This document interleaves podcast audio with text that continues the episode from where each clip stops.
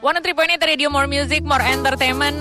That was 1975 dan 1975 with I'm in love with you. Ini masih berita tentang the 1975 nih, eh, listeners. Di mana kan kemarin si 1975 ini tuh bikin heboh banget di Malaysia bulan lalu, tepatnya di bulan Juli tanggal 21, di mana mereka ini tuh kayak apa ya, melakukan adegan yang tidak senonoh ya di atas panggung yang kemudian imbasnya yang harusnya tuh Good Vibes Festival di Malaysia ada sampai tiga hari, hari kedua dan hari ketiga dibatalin karena udah dilarang sama pemerintah Malaysianya sendiri. Jadi oleh karena itu The 1975 ini resmi dituntut sama Future Sound Asia atau FSA selaku promotor untuk bayar ganti rugi sebesar 12,3 juta ringgit atau kalau dirupiahin sekitar deng 40,8 miliar rupiah setelah kontroversi yang dibuat di Good Vibes Festival 2023 di Malaysia. Nah kalau menurut laporan dari Malay Mail, band asal Inggris ini tuh dikasih tujuh hari waktunya untuk memenuhi tuntutan itu. Jadi dia dikasih waktu tujuh hari buat bayar segitu tuh 12,3 juta ringgit atau 40,8 miliar rupiah. Dan tuntutan ini udah diajukan di hari Senin lewat firma hukum Steven Thiru and Sudar Partnership dengan David Matthews sebagai representasinya. Dan tuntutannya itu senilai 12,3 juta ringgit ini diajukan sebagai ganti rugi gara-gara ulah dari vokalis dan juga basisnya The 1975 yang membuat penyelenggaraan Good Vibes ini tuh batal di hari kedua dan hari ketiga. Dan surat tuntutan ini katanya kalau menurut keterangan resminya ditulis sesuai dengan ketentuan English Practice Direction Pre-Action Conduct and Protocol yang merupakan bagian dari English Civil Procedure Rules.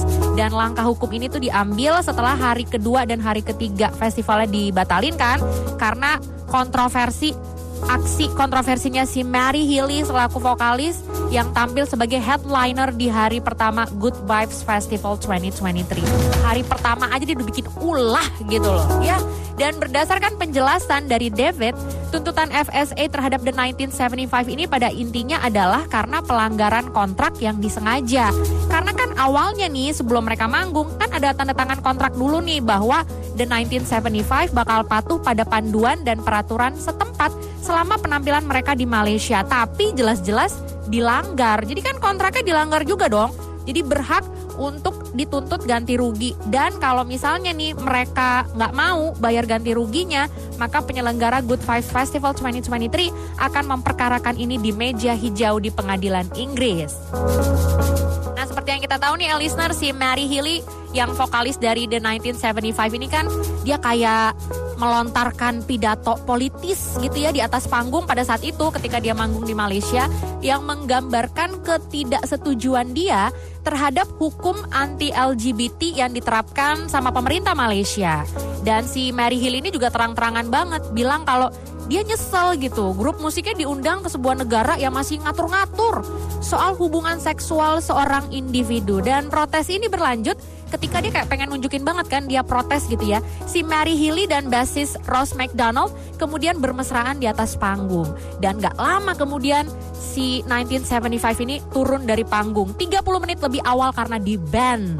Dan setelah itu Good Vibes Festival ini mengumumkan pembatalan hari kedua dan ketiga dan mereka mengatakan kalau hal itu dilakukan karena dilarang sama Menteri Komunikasi dan Digital Malaysia Fahmi Fazil.